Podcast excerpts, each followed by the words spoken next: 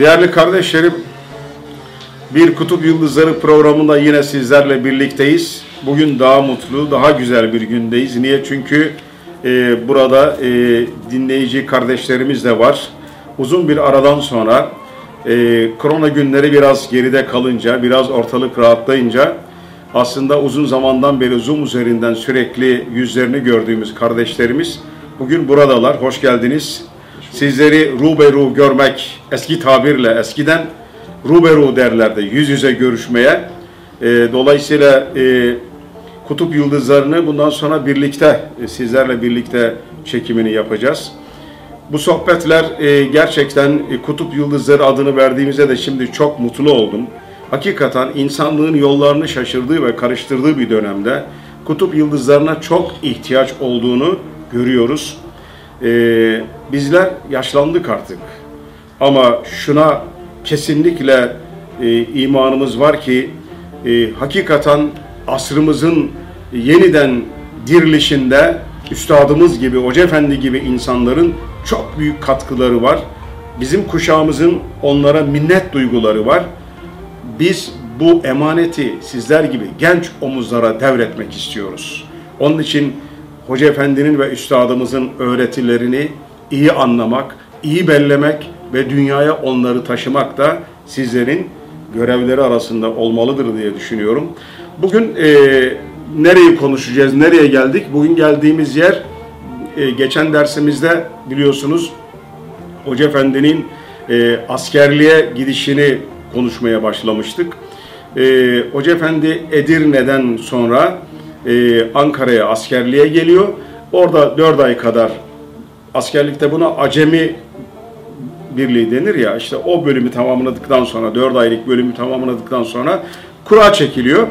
E, kurada nereye çıkıyor? Kura nereye çıkıyor? Hoca Efendi'nin askerlik kurası nereye çıkıyor? İlki Erzurum'a çıkıyor. Erzurum'a çıkıyor. Çok güzel. Demek ki siz bunu biraz okuduğunuz anlaşılıyor. Çok güzel. İlk kura Erzurum'a çıkıyor. Yani kendi memleketine çıkıyor. İkincisi nereye çıkıyor? Orası da Erzurum. Evet, ikincisi de Erzurum'a çıkıyor. Evet. İkinci de Erzurum'a çıkıyor. E, diyorlar ki burası senin memleketin olmaz diyorlar. Bu defa tekrar kura çekiyorlar. Hadi bakalım bu defa nereye çıkıyor? bilin Diyarbakır. bakalım. Diyarbakır'a çıkıyor evet. Bu defa da diyorlar ki bu da sana yazık olur diyorlar. Tekrar kura çekiliyor. Dördüncü. Dördüncü de Ee, İskender. İskenderun. Evet, dördüncü de İskenderun. Bak bunu da kardeşimiz bildi. Ee, dördüncüyü de bilenler var. İskenderun. Evet, Hoca Efendi İskenderun'a gidiyor. Orada bir komutan var. Yani çok fazla detaylara girmeyeceğiz ama çünkü Hoca Efendi'nin hayatını bütünüyle anlatmaya kalktığımız zaman bu yani yıllar alacak bir şey. Biz biraz e, mücmel geçmek istiyoruz. Yani Kilit noktaları. kıs- kısaltılmış bir hayat anlatmaya çalışıyoruz. Önemli bölümlerini aktarmaya çalışacağız. Şimdi İskenderun'da bir komutan var. Komutan e, şoförüne tembih etmiş. Şoförüne tembih etmiş. Demiş ki önemli birisi geldiği zaman oğlum bana haber et demiş. O komutanın şoförü diyor ki efendim bir delikanlı geldi bugün diyor. Adı ne diyor? Fethullah diyor. Özelliği ne diyor? Vallahi diğerlerine benzemiyor. Çok farklı bir insan geldi bana diyor falan. Komutan tanışıyor Hoca Efendi ile. Bu şoför vasıtasıyla e, komutan tanışıyor Hoca Efendi ile. Bu komutan tasavvufa çok meraklı bir insanmış. Hoca Efendi ile biraz konuşunca çok hoşuna gidiyor Hoca Efendi. Ve tabir yerindeyse tırnak içinde arkadaş oluyorlar Hoca Efendi ile. Hoca Efendi'yi çok iyi bir bölüme veriyor işte. Böyle telsiz bölümüne veriyor falan. Yani rahat etsin orada Hoca Efendi diye. Ve sonra Hoca Efendi'nin İskenderun'da vaaz etmesine izin veriyor. Git oğlum diyor İskenderun camide vaaz et diyor. Ve Hoca Efendi İskenderun'da asker kıyafetiyle vaaz etmeye başlıyor orada İskenderun'da. Bu çok önemli bir şey gerçekten. Tabii Hoca Efendi baştan beri derslerimizde anlattık, sizler de dinlemişsinizdir. Yani gerek Hoca Efendi Erzurum'da, e, gerek de gerekse daha sonraki yıllarda biliyorsunuz Hoca Efendi biraz başlardan tekke, daha sonra medrese talebesidir Hoca Efendi. Fakat İskenderun'daki bu komutan Hoca Efendi'de farklı bir istidatları patlamasına vesile oluyor. O da nedir biliyor musunuz? Komutan diyor ki o komutan Evladım diyor. Sadece dini ilimleri tedris etmekle, okumakla olmaz diyor. Ben senin diyor Batı klasiklerinde okumanı istiyorum. Doğu klasiklerinde okumanı istiyorum. İran klasiklerinde okumanı istiyorum diyor. Ben senin diyor yani işte Voltaire, Voltaire'in, Rousseau'nun içtimai mukavelesini de oku diyor. Ondan sonra e, Emil Zola'nın Dağdan mektuplarını da oku diyor. Kant'ın ve Schiller'in insan kritiğini de oku diyor. Hallacı Mansur'u da oku diyor. Hallacı Mansur'u da oku diyor. Fuzuli'yi de oku diyor. Shakespeare'i de oku diyor. Şirazi'yi de oku diyor. Hoca Efendi dedi ki bu bütün dünyadaki doğu, batı klasiklerini ve aynı zamanda felsefeye olan merakını işte bu komutan Hoca Efendi'ye veriyor. Bu gerçekten çok değerli bir durum. İnsanın dinini, davasını anlatabilmesi için dünyayı okuması gerekiyor gerçekten. Bütün ilimlerden haberdar olması gerekiyor. Ve bugün e, ileriki sohbetlerimizde bunlar gelecek ama mesela bir hoca efendi var. Başımızda bir hoca efendi var. Herkes ona hoca efendi diyor. Ama hoca efendi o kadar çok yönlü bir insan ki bunları ilerleyen sohbetlerimize yer yer gelecek bunlar. Mesela bir gün diyelim ki bir birkaç profesör, felsefeci Hoca Efendi'yi ziyaret ediyor. Üç gün, iki gün felsefe sohbetleri yapıyorlar Hoca Efendi'yle. Buraya kadar normal bir şey yok. Ama mesela bir gün e, o profesörleri getiren arkadaşımız diyor ki hocam diyor bu işte Cengiz Bey çok güzel bir türkü söyler diyor. E söylesin dinleyelim diyor. Söylüyor. Türkü bitince ne beklersiniz? Hoca Efendi diyor ki Cengiz Bey diyor bu türkünün diyor bestesi ve güftesi kime ait biliyor musun diyor. Bilmiyorum efendim diyor. Bunun diyor güftesi falan aittir. Bestesi de şuna aittir. Şundan dolayı bu türküyü söylemiştir diyor. Adam diyor ki bu kadar da olmaz kardeşim diyor. Bu kadar da olmaz diyor. Hoca Efendi gerçekten budur. Makamlar arasında hem böyle musiki makamları arasında hem e, ilmi makamlar arasında hem de tasavvufi makamlar arasında sürekli koşturup duran, mekikte okuyan bir insandır Hoca Efendi. Hoca Efendi'yi çok iyi anlamamız lazım. Hoca Efendi'yi yeni nesle, yeni kuşağa iyi anlatmamız lazım. İşte Hoca Efendi'nin mesela İskenderun'da konuşuyor Hoca Efendi, konuşma yapıyor. Şimdi hitabet çok önemlidir. Bir insanın davasını anlatmasında ya da bir insanın davasının şekillenmesinde hakikaten hitabet çok çok önemlidir. Belagat çok önemlidir. Edebiyat çok önemlidir. İşte Hoca Efendi'nin erken dönemde, daha askerlik döneminde bunları okumaya başlaması çok değerli bir durum esasında. Sonra o komutan ne diyor biliyor musunuz? Bir gün o da geliyor camide Hoca Efendi'yi dinliyor. Hoca Efendi o vaazında Hallacı Mansur'u anlatmış. Camide, İskenderun'da camide. Komutan ne diyor biliyor musun? Ah evladım diyor. Bu insanlar seni de anlamayacaklar. Hallacı anlamadıkları gibi bir gün seni de taşlayacaklar diyor. İskenderun'daki komutan söylüyor. Bugün taşladıkları gibi. Evet. Bugün Hoca Efendi'yi taşlıyorlar işte. Taşlıyorlar. Hem de hallaca yapmadıkları gibi yapıyorlar. Hallacı bir kere öldürmüşler de Hoca Efendi'yi her gün öldürüyorlar. Niye? Çünkü Hoca Efendi öyle hassas bir insandır ki bu üstadımız da böyle biliyorsunuz. Alem İslam'ın ya da bir insanın bir yerine bir darbe indi mi önce onlara iniyor çünkü. Her acı çekenle acı çeker bu insanlar. Her ölenle ölür bu insanlar. Onun için bir kere ölmez bu insanlar. Dünyanın neresinde bir acı varsa önce geliyor onları vuruyor. Önce geliyor onları vuruyor. Şimdi bu zat, bu komutan Hoca Efendi'ye diyor ki, evladım diyor ben seninle hacca gitmek istiyorum diyor ama o da nasip olmuyor işte. Şimdi Hoca Efendi orada İskenderun'da rahatsızlanıyor ve hava değişimine gidiyor. Nereye? Memleketine, Erzurum'a. Kaç yıl oldu ayrılalı? Tam dört yıl oldu Hoca Efendi Erzurum'dan ayrılalı bir daha gitmemiş. Annesi kapıyı açınca karşısında Hoca Efendi'yi görüyor ama tanıyamıyor. Şöyle demek durumunda kalıyor. Sen Fethullah mısın diyor. Annesi tanıyamıyor. Evet işte o Hoca Efendi. Şimdi Hoca Efendi Erzurum'a gidiyor ve daha sonra tekrar İskenderun'a dönüyor biliyorsunuz. Bu arada e, Yaşar Hoca Yaşar Hoca Edirne'de müftüydü. Yaşar Hoca da e, İzmir'e tayini çıkıyor. Edirne'den İzmir'e tayini çıkıyor ve İzmir merkez vaizi olarak İzmir'e gidiyor Yaşar Hoca. Şimdi Yaşar Hoca gitmiş. Yani o Selimiye'de gürül gürül konuşan e, Edirne müftüsü İzmir'e gitmiş. Hoca Efendi askere gitmiş. Ne oldu şimdi? Edirne boşaldı.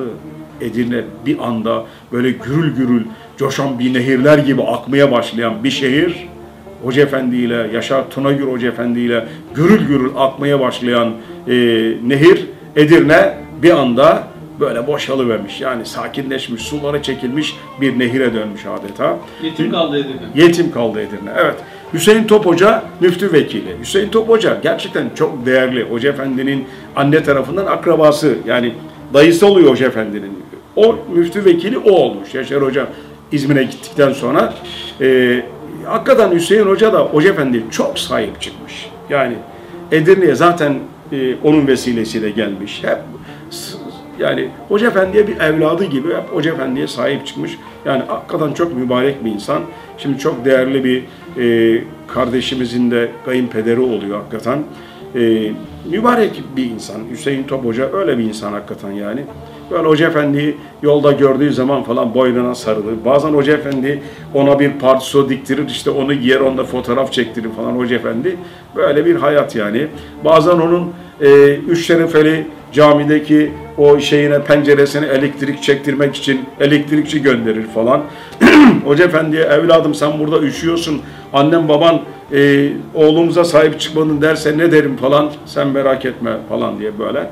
E, böyle bir insan onu alır müftülüğe götürür imtihanlara ya da Ankara'ya gider Hoca Efendi Ankara'dan geldikten sonra haber Hüseyin Hoca'ya gelir onu yana yakıla sokaklarda ararken bir yerde bulur boynuna sarılır E, e, evladım imtihanı kazanmışım falan der Hoca Efendi vaizlik imtihanını müftülük imtihanını oradayken kazanmış işte Tekrar Hoca Efendi askerlikten sonra işte geliyor Edirne'ye. Yaşar Hoca gitmiş ve e, bu defa Hoca Efendi hem Kur'an kursuna vekaleten bir Kur'an kursunda göreve başlıyor hem de Darul Hadis Camii'nde bu defa değişiyor Hoca Efendi'nin camisi.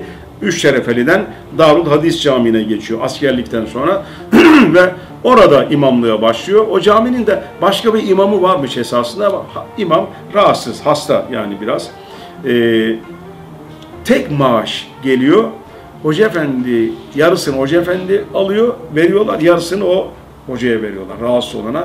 Hoca Efendi o yarım maaşı da götürüyor, oğluna teslim ediyor. Diyor ki sizin ihtiyacınız vardır diyor. Hoca Efendi hasta diye yarısını veriyorlar ama diyor.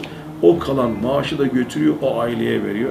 Tabii çok mutlu oluyor Hoca Efendi. Yani Hoca Efendi gerçekten sıra dışı bir insan. Her hareketiyle, her tavrıyla, her davranışıyla bizim benim havsalamın, aklımın, ufkumun alamayacağı e, yani şaşırtıcı şeyler yapıyor Hoca Efendi. Sıra dışı işler yapıyor. Yani çok ciddi bir farkındalıklar oluşturuyor. Şimdi mesela burada ilk defa Darul Hadis Camisi'nde Hoca Efendi orada artık bir grup, birkaç talebe öğrenciyle ders yapmaya başlıyorlar. Hoca Efendi'nin ilk talebe dersleri orada bir Darul Hadis Camisi'nde bir yer çevirmişler böyle bir odacık. O oda, odada sohbet etmeye başlıyorlar. Hoca Efendi'nin ilk talebe sohbetleri Darul Hadis Camii'nde başlıyor işte. Yani pencereden odaya dönüyor. Işık pencereden ışık evlerine doğru gideceğiz ya. Işıklı pencereden ışıklı odaya geçiyoruz. Sonra eve geçeceğiz.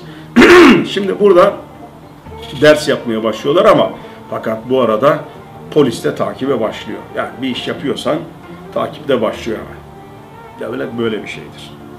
Şimdi eee, bir gün o talebelerden birisi rüya görüyor. Rüyasında Hazreti Hatice annemiz var ve rüyasında Peygamberimiz sallallahu aleyhi ve sellem var. Şimdi Hazreti Hatice annemiz diyor ki Ya Resulallah Bu gençler soruyorlar diyor. Onları göstererek ders yapan gençleri. Bu gençler soruyorlar diyorlar. Peygamberimiz bizden memnun mu? diye soruyorlar. Edirne bu o yıllarda bak Selimiye bile bomboş. Yaşar Hoca geldikten sonra Selimiye'de cuma namazı kılınmaya başlamış. Osmanlı'nın medeniyet mimarisi bomboş arkadaşlar. Edirne burası. 1965'te üniversiteye bir başörtülü öğrenci girdi diye o da ilahiyat fakültesine kıyamet koptu. Daha 60'lardayız yani. Anlamaya çalışın. Türkiye'deki dini hayat bütünüyle harap, turab olmuş yani. Şimdi böyle bir yerde 3-5 kişi bir araya geliyor.